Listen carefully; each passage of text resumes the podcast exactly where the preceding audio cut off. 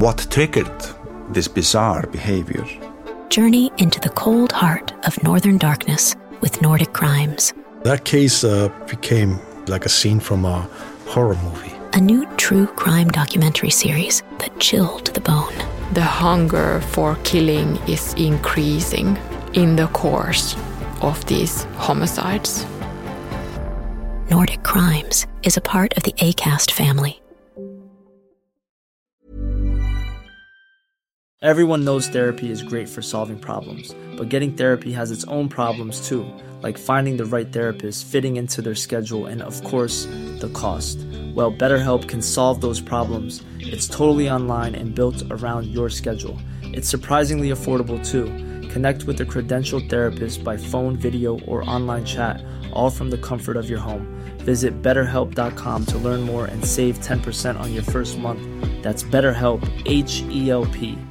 Hey, I'm Ryan Reynolds. At Mint Mobile, we like to do the opposite of what Big Wireless does. They charge you a lot, we charge you a little. So naturally, when they announced they'd be raising their prices due to inflation, we decided to deflate our prices due to not hating you. That's right. We're cutting the price of Mint Unlimited from $30 a month to just $15 a month. Give it a try at mintmobile.com slash switch. $45 upfront for three months plus taxes and fees. Promo for new customers for limited time. Unlimited more than 40 gigabytes per month. Slows. Full terms at mintmobile.com. Burrow's furniture is built for the way you live. From ensuring easy assembly and disassembly to honoring highly requested new colors for their award-winning seating, they always have their customers in mind. Their modular seating is made out of durable materials to last and grow with you. And with Burrow, you always get fast, free shipping. Get up to 60% off during Burrow's Memorial Day sale at burrow.com slash ACAST. That's burrow.com slash ACAST. burrow.com slash ACAST. Ja, det är mord på Sveavägen. Hela, hela Palmeutredningen tycker jag tyder på ett polisspår. För det här är ingen riktig polisutredning. Utan det är någon konstig locket på uh, grytan-utredning. Uh, jag tror att det är fler gärningsmän än, än en till att börja med. Min uppfattning är att han planerade det här själv under 10-20 år. Så att ja, de är väl inte så duktiga på att lägga pussel kanske på polisen i så fall. Åren går och mordet på statsminister Olof Palme 1986 är fortfarande olöst.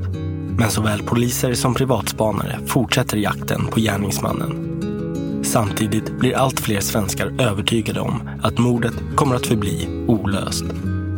Men så år 2020 säger ansvarig åklagare att han snart ska presentera en lösning. Och det visar sig att personen som pekas ut är en märklig man som redan tidigt finns med i utredningen och vars historia dessutom inte går ihop. Men kan det verkligen vara så att en tjänsteman på ett försäkringsbolag, aldrig tidigare dömd för brott, har mördat Olof Palme? Du lyssnar på Svenska Brott och denna vecka med mig, Nils Bergman. Den här podcasten fokuserar på brottmål och kan därför innehålla beskrivningar av våld och andra potentiellt stötande ämnen.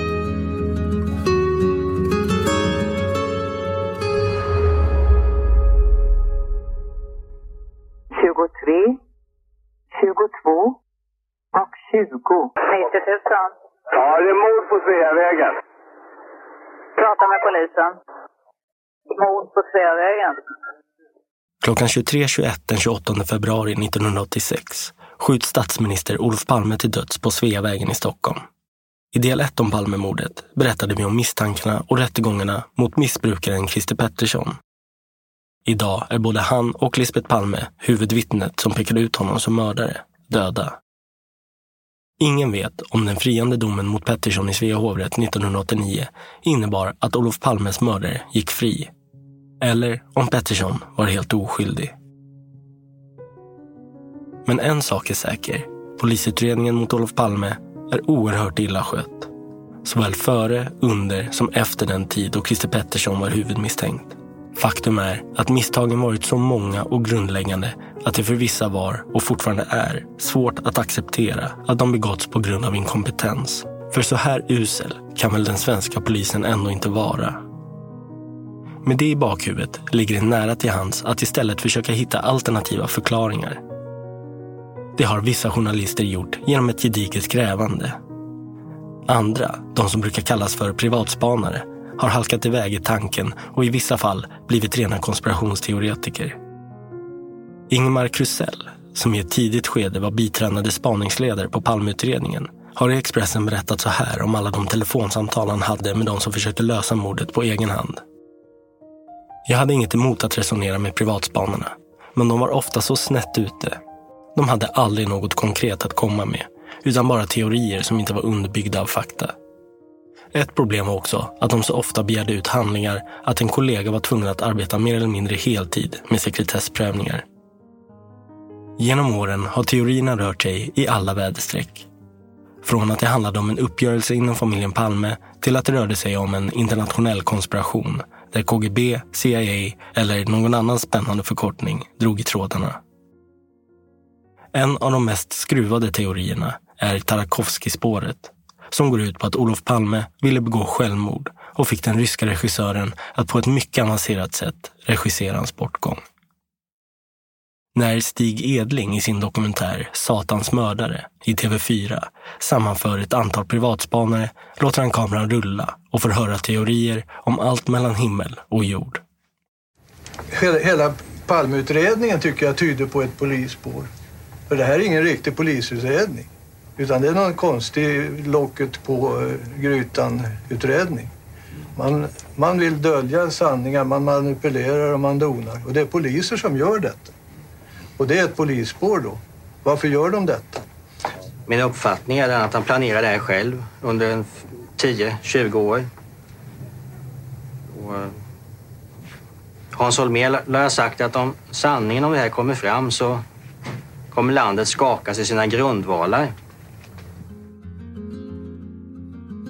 De privatspanare som fått mest uppmärksamhet genom åren är påfallande ofta pensionerade utredare eller journalister som arbetar mer eller mindre heltid med att försöka lösa Palmemordet. Gösta Söderström, den polis som var först på plats på Sveavägen, fortsatte sitt utredningsarbete även efter att ha lagt ifrån sig sin uniform och tjänstvapen. Han har dessutom för vana att på årsdagen av mordet höra av sig till Ring P1 där han delgav lyssnarna sin övertygelse att sanningen hade mörklagts. Något som säkert inspirerade filmmakaren Måns Månsson. I hans film Hassel, Privatspanarna från 2012 ringer nämligen den fiktiva polisen Roland Hassel till just Ring P1 och klagar över att polisens belöning på 50 miljoner kronor inte har justerats i takt med inflationen.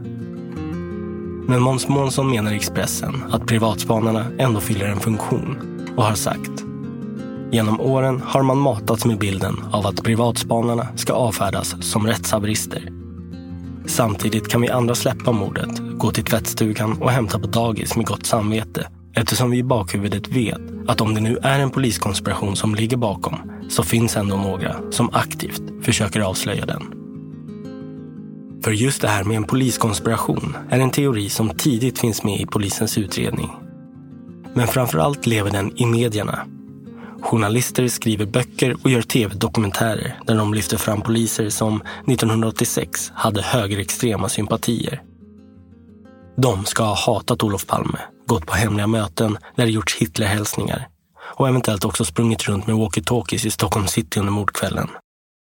Även professor Leif GW Persson har såväl i romaner som i tv-framträdanden framfört teorin om att Palmehatare inom poliskåren var involverade i mordet att det hela var en konspiration för att bli av med statsministern.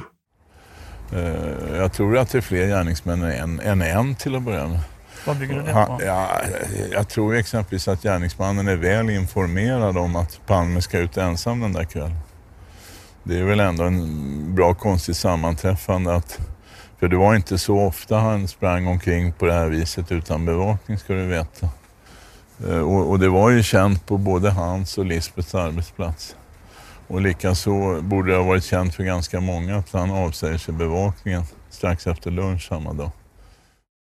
En genomgående svaghet är att teorierna ofta målar med breda penseldrag.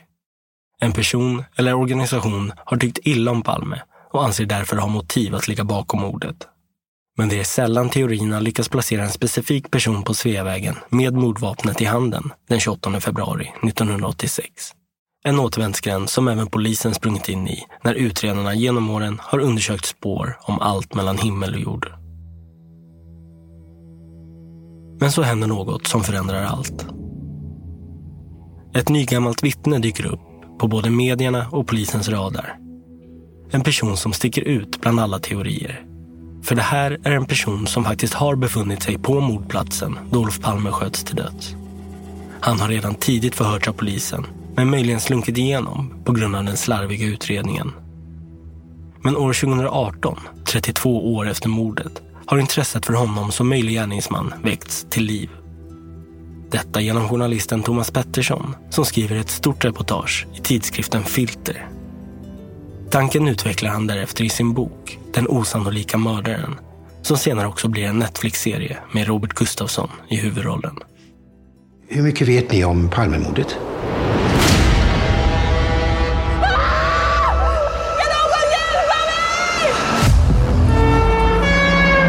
Söker en ensam gärningsman. Han sprang upp för trapporna. Det nya spåret handlar om Stig Engström, mer känd som Skandiamannen. Men vem är han? Vi tar det från början. Stig Engström föds 1934 i Bombay, Indien, där familjen bor eftersom hans pappa jobbar där. 11 år gammal flyttar sonen ensam hem till Sverige där han bor hos sin moster och går klart grundskolan. 1951 börjar Stig Engström på internatskolan Sigtuna stiftelsens humana läroverk där Olof Palme tagit studenten bara fyra år tidigare. Engström är ingen stjärna i skolan, men duktig i friidrott.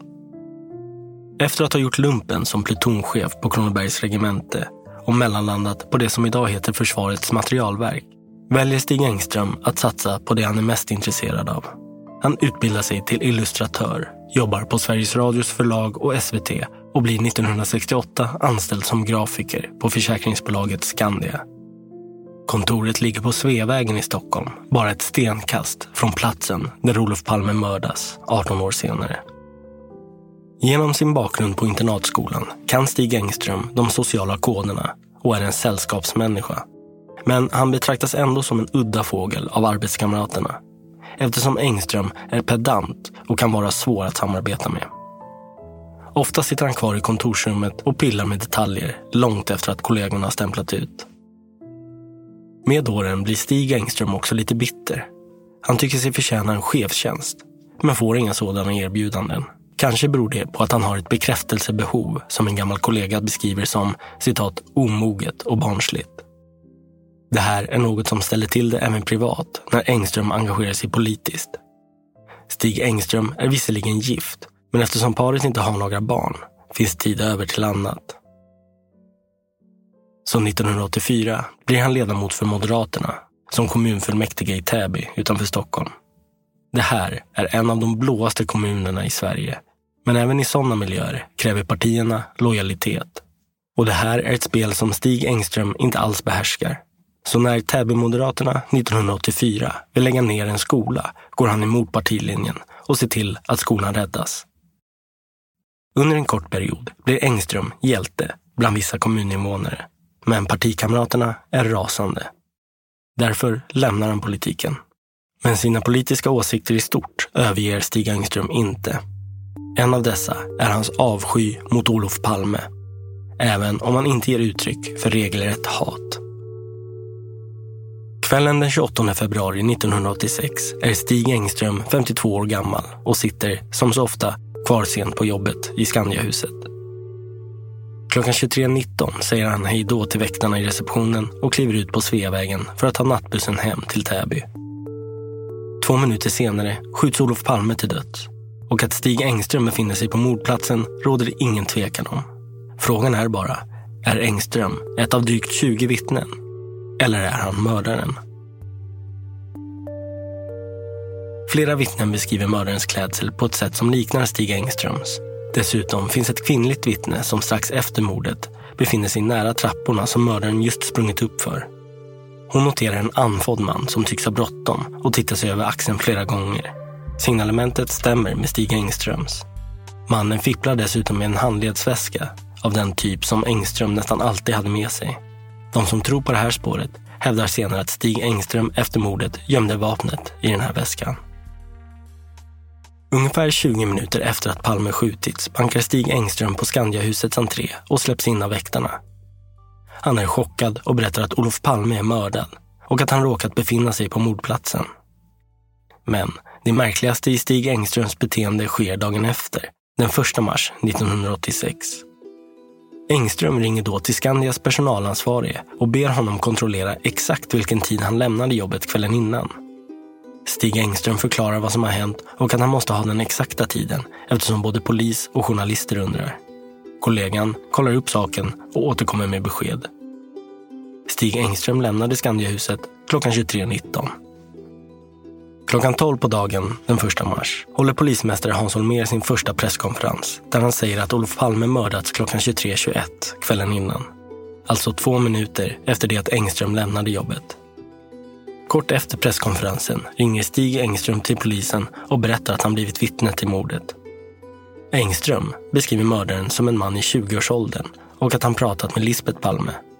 Hon ska ha berättat för honom att mördaren bar en blå täckjacka. Stig Engström säger också att han sprungit efter mördaren för att försöka hinna ikapp honom. Stig Engström lyfter också fram att han kan ha förväxlats med mördaren eftersom han sprang efter honom.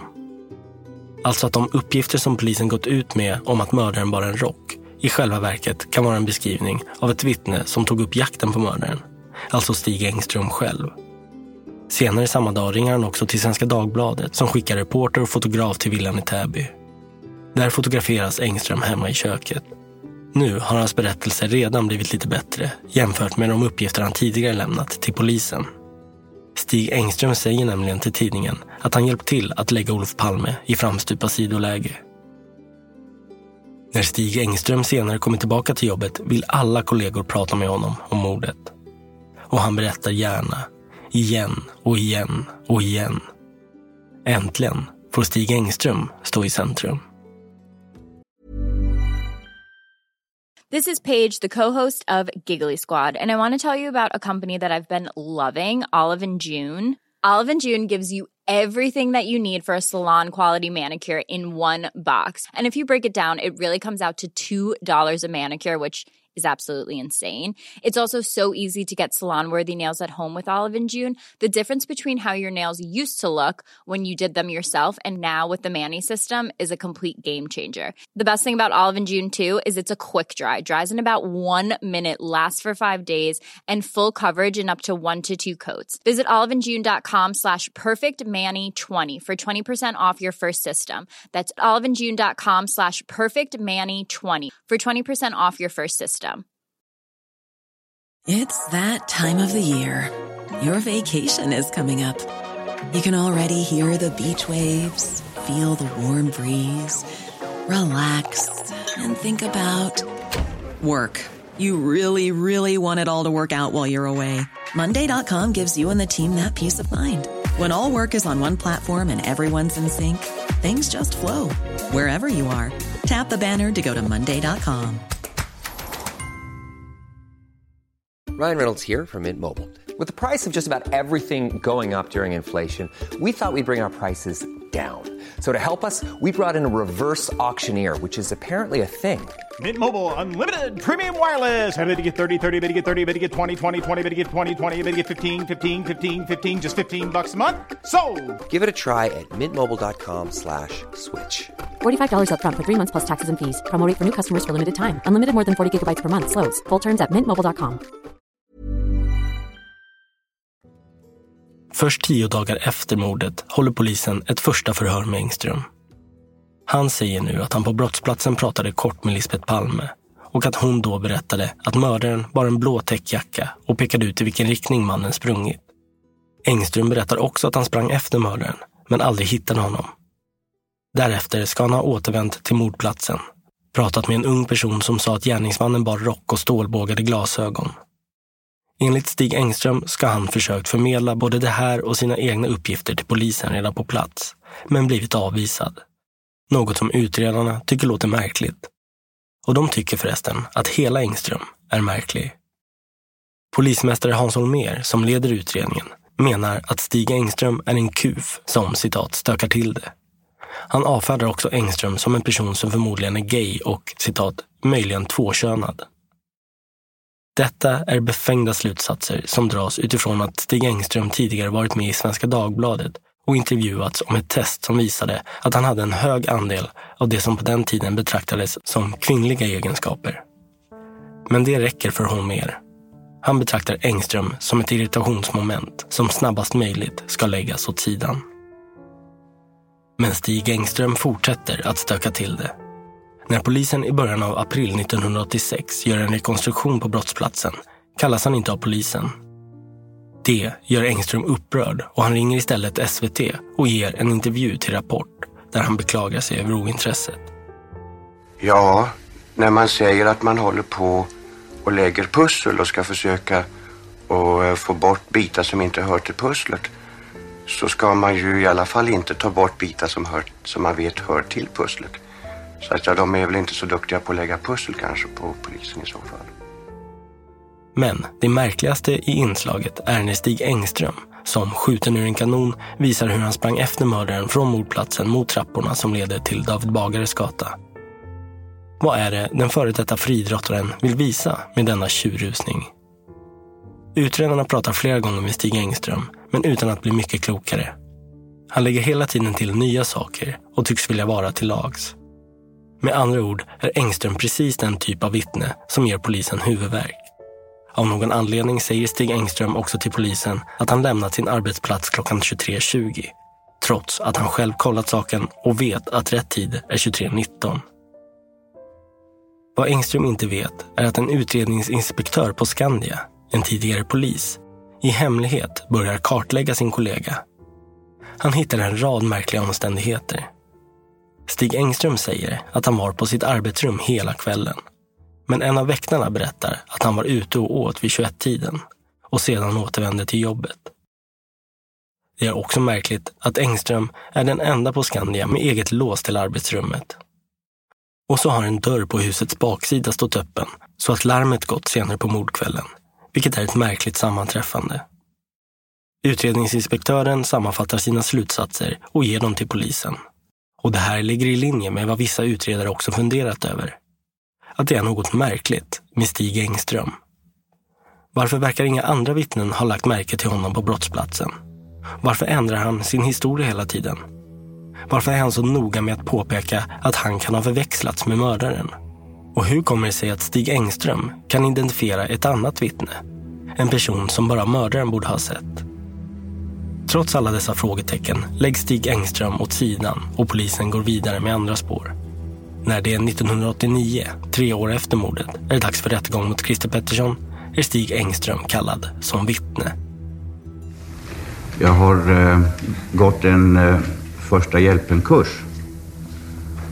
Och det jag ser då framför mig på marken det är en person som ligger på rygg med halvöppen mun och blodet som går så långt upp så att tänderna syns inte.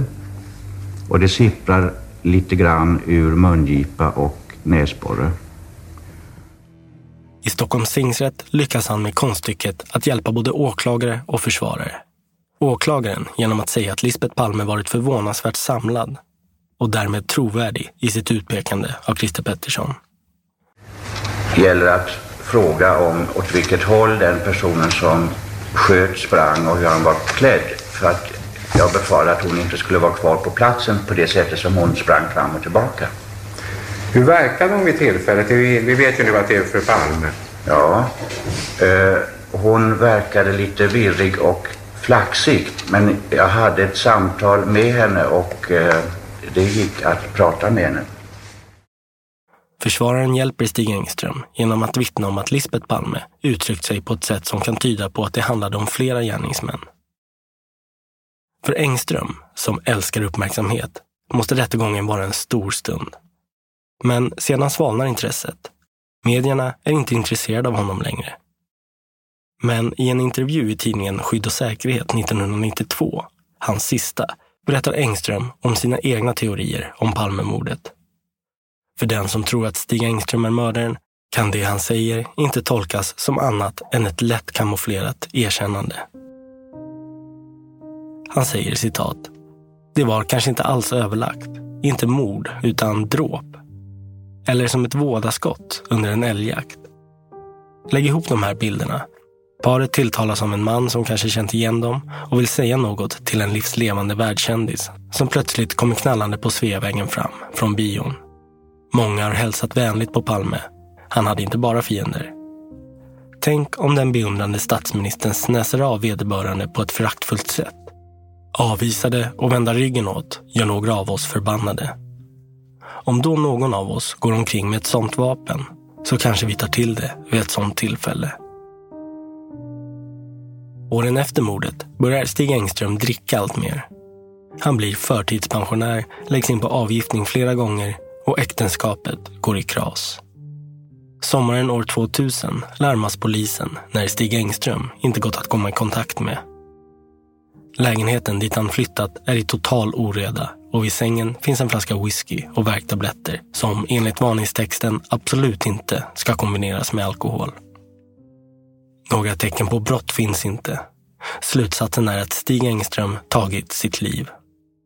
Något avskedsbrev där han erkänner mordet eller ens antyder att han mördat Palme finns inte. Med åren glömmer de allra flesta svenskar bort Skandiamannen. Men inte alla. År 2016 skriver Lars Larsson boken Nationens fiende där han, utan att namnge Stig Engström, pekar ut honom som tänkbar mördare. Boken ges ut på eget förlag och får ingen större uppmärksamhet.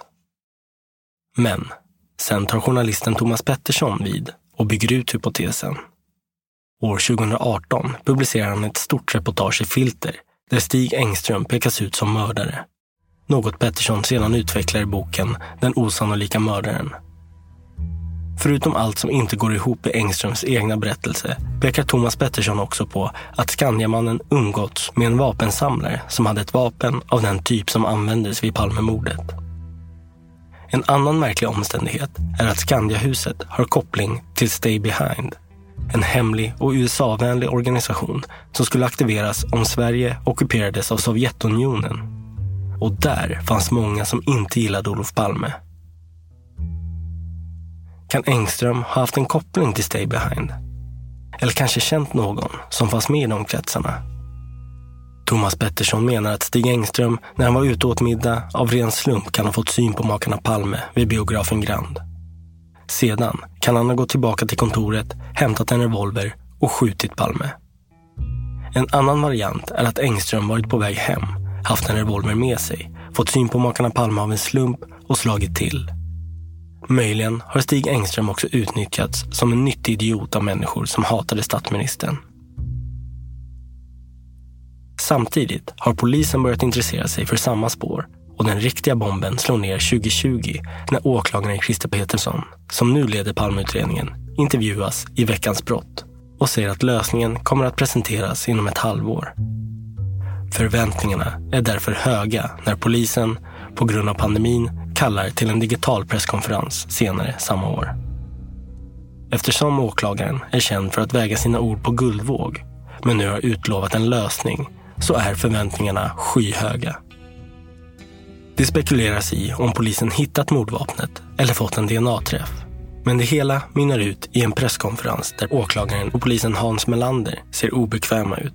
Fipplar med en fjärrkontroll och visar en ful powerpoint-presentation som ser ut att komma från en svunnen tid. Och det som vi kommer att presentera här på förmiddagen idag är att vi kommer inte runt en person som Eh, en misstänkt gärningsman. Och den personen är Stig Engström som ju har omnämnts i media som den så kallade Skandiamannen. Och eftersom Stig Engström är avliden så kan jag inte väcka åtal mot honom eller vidta några förhör med honom. Utan därför så beslutar jag att lägga ner förundersökningen med den motiveringen att den misstänkte är avliden. Pyspunka med andra ord. Och vad menar förresten Christer Petersson med att det inte går att komma runt Stig Engström? Det är knappast så en åklagare brukar uttrycka sig. Men så låter det den här gången. Senare visar det sig att polisen tagit DNA-prover från närstående, förhört släktingar till vapensamlaren som Skandiamannen kände och utsatt kvinnan som 1986 var gift med Engström för hårda förhör. Men utan att hitta avgörande bevis. Och nu läggs förundersökningen alltså ner. Att peka ut en person på det här sättet väcker starka reaktioner. Åklagaren polisanmäls för förtal av avliden, men ärendet skrivs av. Däremot får han hård kritik av justitieombudsmannen som bland annat menar att åklagaren borde ha lyft fram allt det som talar för att Stig Engström inte mördade Palme. För det finns ju mycket som även pekar i den riktningen. Det är på det stora hela svårt att bli klok på Stig Engström. Var han en smart mördare som lyckades lägga ut dimridåer genom att berätta för polisen att han kan ha förväxlats med mördaren? Eller var han bara en märklig person på jakt efter uppmärksamhet? Frågor som aldrig kommer att få några svar. Trots att förundersökningen om mordet på Olof Palme lagts ner fortsätter medierna att jaga. Så sent som i maj 2023 visar Kanal 5 dokumentärserien Palmemordet, den stora mörkläggningen av journalisten Jan Stocklassa. Det unika med just den här granskningen är att den tar avstamp i hyllmeter med material som en av Sveriges mest framgångsrika författare lämnat efter sig och som Stocklassa fått tillgång till. Det handlar om den nu avlidne Stig Larsson vars romaner om Mikael Blomkvist och Lisbeth Salander blev internationella succéer efter hans död. Med Stig Larssons material som ammunition driver Jan Sydafrikaspåret. Att Olof Palme mördades av apartheidregimen eftersom han tog ställning mot landets ledning. Dessutom var statsministern en drivande kraft i att Sverige skickade stora belopp till ANC, Sydafrikas ledande motståndsorganisation. Detta ska ha varit motivet till mordet. Enligt dokumentären kan en svensk man, en tidigare FN-soldat, ha varit spindeln i nätet under planeringen. Men till Aftonbladet säger han citat. Jag finner det fullständigt vansinnigt. I samma intervju spekulerar den utpekade mannen också i varför hans namn kommit upp som en möjlig spindel i nätet. I dokumentären pekas Craig Williamson en av Sydafrikas mest fruktade spioner under 1980-talet, ut som tänkbar mördare. Men han förnekar brott. Med andra ord har Palmemordet, den stora mörkläggningen, stora likheter med andra tv-dokumentärer som gjorts de senaste 37 åren. Den är dramatiskt förförisk med intressanta tankar och motivbilder. Men utan att lyckas placera en gärningsman vid mordplatsen den 28 februari 1986. Palmeutredningen är den största i svensk kriminalhistoria. Faktiskt en av de mest omfattande i hela världen. Drygt 130 personer har erkänt mordet. Men den enda personen som dömts friades senare i högre instans. Palmemordet brukar beskrivas som ett nationellt trauma. Men är kanske framför allt ett bevis på hur illa det kan gå när stora misstag begås tidigt i en polisutredning. I det här fallet har de visat sig vara omöjliga att reparera. De har också skapat grogrund för misstro och konspirationsteorier.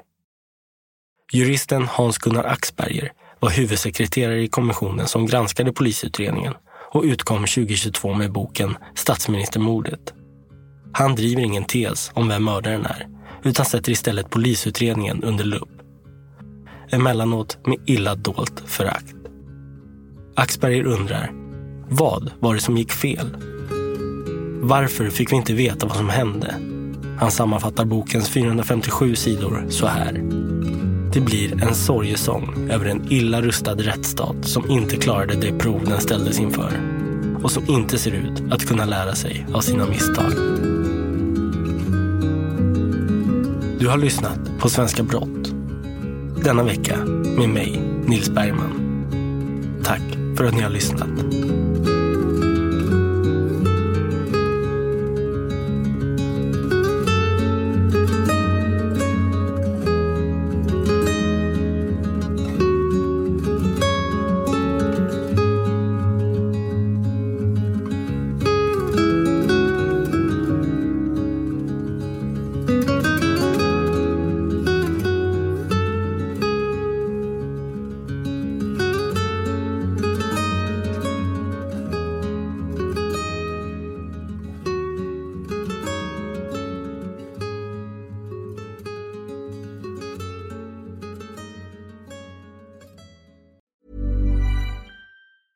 Planning for your next trip?